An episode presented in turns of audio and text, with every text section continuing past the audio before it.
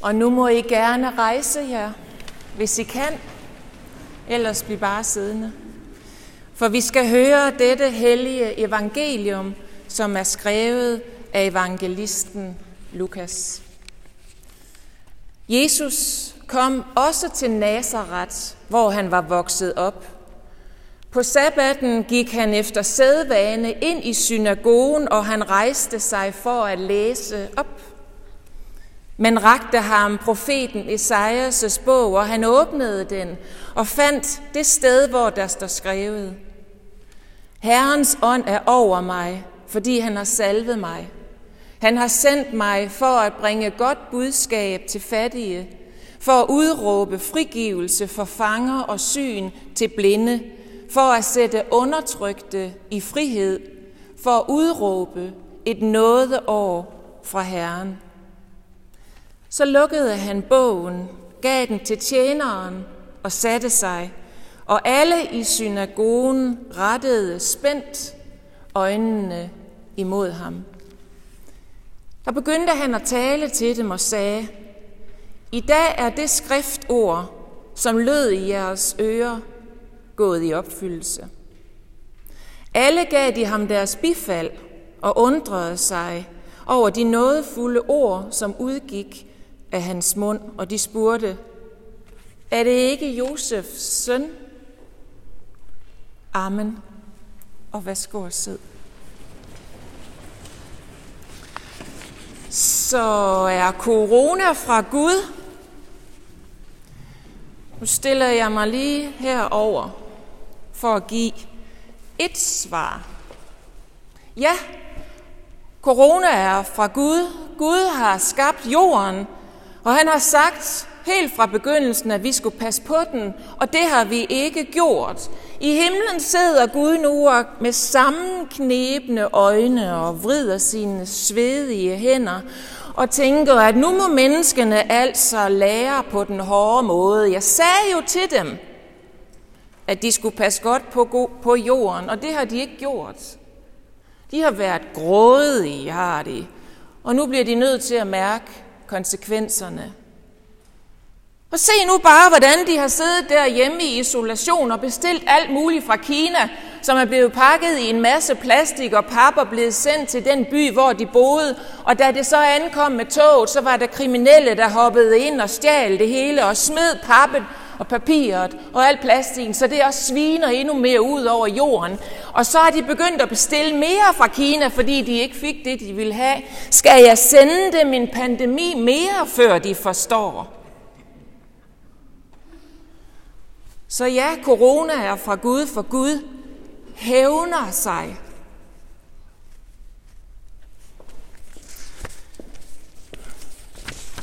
Nu prøver jeg så lige at stille mig herover for at give et andet svar. Ej, nej, nu skal I ikke blive religiøse, vel? Corona, det er ikke fra Gud, det er helt naturligt, sådan som det går. Naturen den fungerer præcis sådan, som den skal.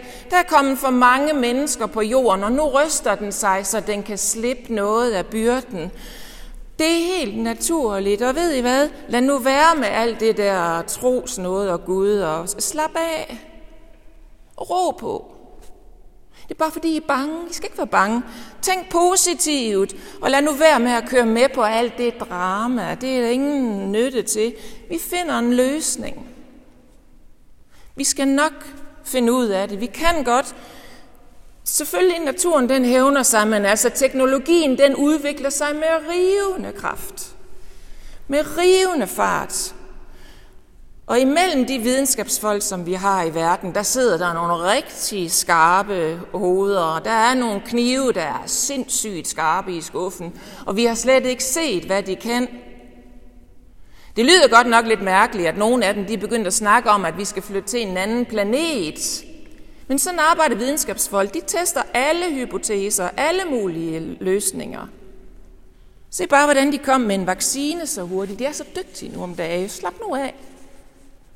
Kroner har ikke noget med Gud at gøre.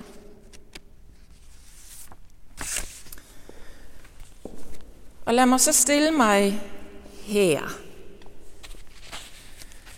Ikke fordi jeg vil sige, at som kristne, der skal vi tage lidt tro og lidt videnskab.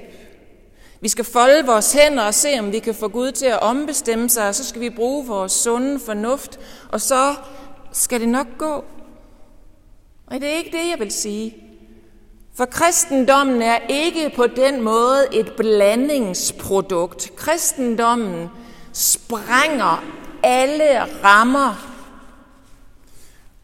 Og lad os nu forestille os, lad os nu bare forestille os, at kristendommen var en lige så ubuden gæst, da den kom ind i verden, som corona var, da den kom ind i verden.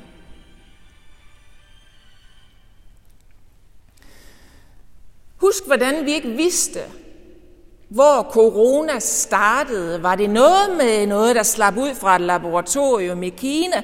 Var det noget med en flagermus? Var det en syg høne?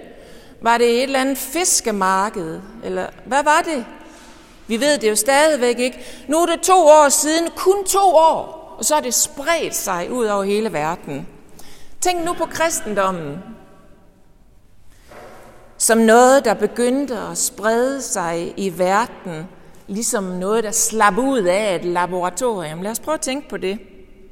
For hvis vi går helt tilbage til den første kim i kristendommen, så var det hos et helt almindeligt menneske til synladende, som opførte sig komplet anderledes. Jeg havde nær sagt som en mutation i den verden, han kom ind i.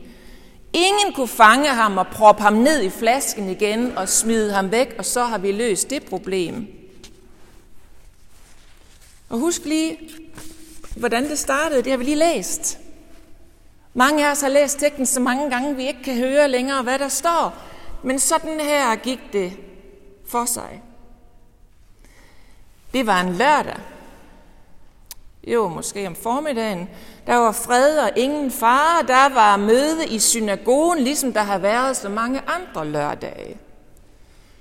Tjeneren har styr på alle de hellige skrifter og har en liste af dem, der vil tale den dag. Der var flere på listen end bare præsten, for sådan foregik det til deres gudstjenester i synagogen. Og så er der også den her yngre mand, Jesus, som er en af dem, der er på listen. Og så bliver det hans tur. Og han kommer op, rejser sig. Tjeneren giver ham profeten Esajas' bog, som Jesus nok selv har valgt, fordi til sådan nogle gudstjenester i synagogen, der var det altid kun obligatorisk at læse af loven. Så når nogen læste op af noget andet, så var det fordi, de selv havde ville det, og så læser han det, vi hørte før. Herrens ånd er over mig, fordi han har salvet mig. Han har sendt mig for at bringe godt budskab til fattige, for at udråbe frigivelse for fanger og syn til blinde, for at sætte undertrykte i frihed, for at udråbe et nådeår fra Herren, og bumser lukker han bogen og giver den tilbage til tjeneren og sætter sig. Ikke ned på bænken eller på stolene sammen med alle de andre, men lige der – og det var et tegn på, at han havde noget, han ville sige om det, han lige havde læst. Sådan gjorde man. Og nu er det så, det bliver mærkeligt. For tænk lige på, at den her unge mand, han ligner de fleste yngre mænd til forveksling. Han har samme tøjstil, han sætter håret på den samme måde, han har samme sprog, en lidt anden dialekt, for han kommer lidt længere nede sydfra. Men her, hvor de er, der kommer der ofte så mange mennesker fra forskellige kulturelle områder og traditioner, så det var der ikke noget mærkeligt i. Men Esajas' bog er 700 år cirka gammel på den her lørdag i synagogen. Du vil sige, at jøderne her har læst op fra den i rigtig mange generationer, og nu siger denne unge mand, ham, som Messias skrev om, at der engang ville komme, det er mig. Ja, nu er jeg her. For 700 år siden, der hørte Esajas Gud sige til ham, at han ville sende en befrier ind i verden, og Det er mig. Nu, nu er jeg her. Og den befrier skal sætte alle, alle fri. Skal helbrede alle, alle sygdomme. Skal gøre alt det, som jeg altid har lært. Det er nu gået i opfyldelse. Her er jeg. Øh, undskyld, vil du, hvad var det lige, du sagde der? Vil du gentage det lige en gang? Kan du prøve lige at sige det igen? Og Jesus, han gentager det for 700 år siden, og nu står jeg her. Man kan se det for sig, kan man ikke det? En civil klædt synagogepolitimand, der træder frem med sin blok og sin kuglepen og siger, det er lørdag den 8. februar år 30, klokken er 10.45, du er anholdt. Jeg ved godt, der står, at de bryder ud i bifald over det, han siger. Men der er også nogen, der undrer sig, og de siger, men er det ikke bare en af Josefs knægte? Er det ikke bare ham, en af de der drenge, I ved, der altid har rendt rundt? Er det ikke bare en af ham? Og hvis vi læser lidt længere i teksten, som vi ikke har med her, så hører vi om, at denne her dag i synagogen, der vender de alle sammen på en tallerken. De bliver ude af sig selv og raseri. De springer op, og de jager ham ud af byen. De driver ham hen til en klippekant, der hvor byen den endte for at skubbe ham ud over kanten. Vi har at gøre med mere end en anholdelse. De følger ikke engang loven i deres reaktion på ham, men der er mere. For hvad var det, der tændte lunden under deres raseri?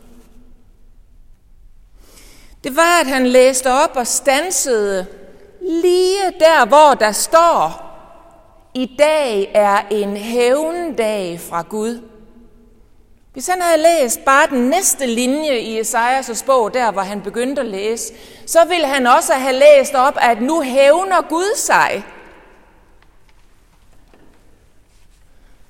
Men det lod han være med at sige. For der klappede han bogen i. Det er en sand og en rigtig mutation i deres verden. Og derfra, der gik det galt for dem. De kunne, ikke, de kunne simpelthen ikke styre ham. Det han sagde, det spredte sig ud over hele verden, fra det ene menneske til det andet, igennem hele historien til hele verdens ende.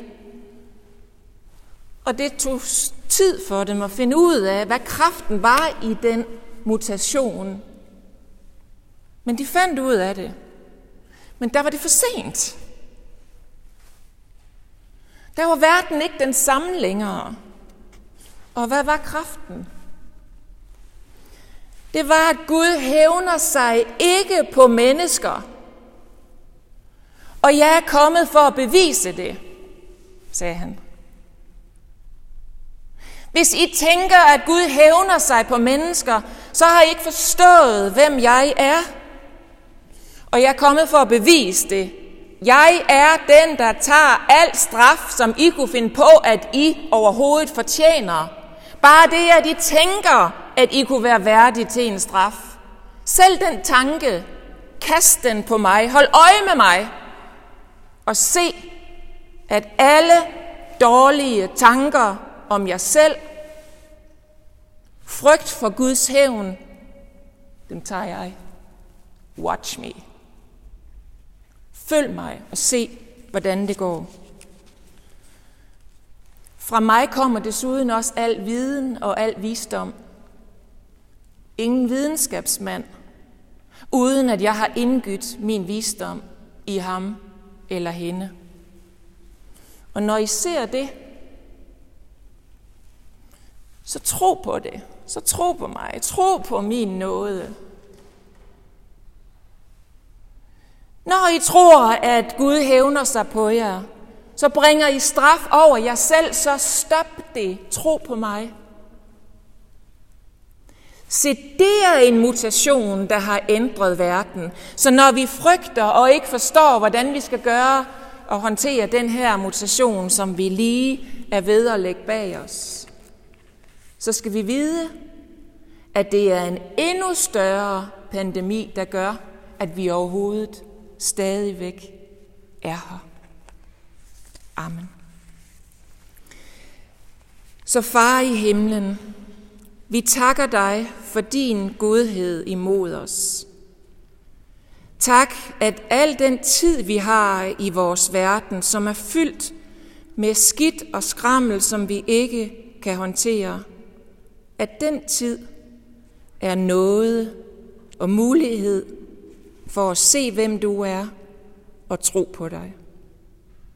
Vi beder for hinanden, Herre, for enhver i blandt os, som er forvirret, ikke kan forstå ting, bliver ved med at stille spørgsmål, og Herre, du ved, at det er os alle sammen. Kom du til os og læg den kim i os, den mutation, som en dag vil vise sig og blomstre til tro på dig.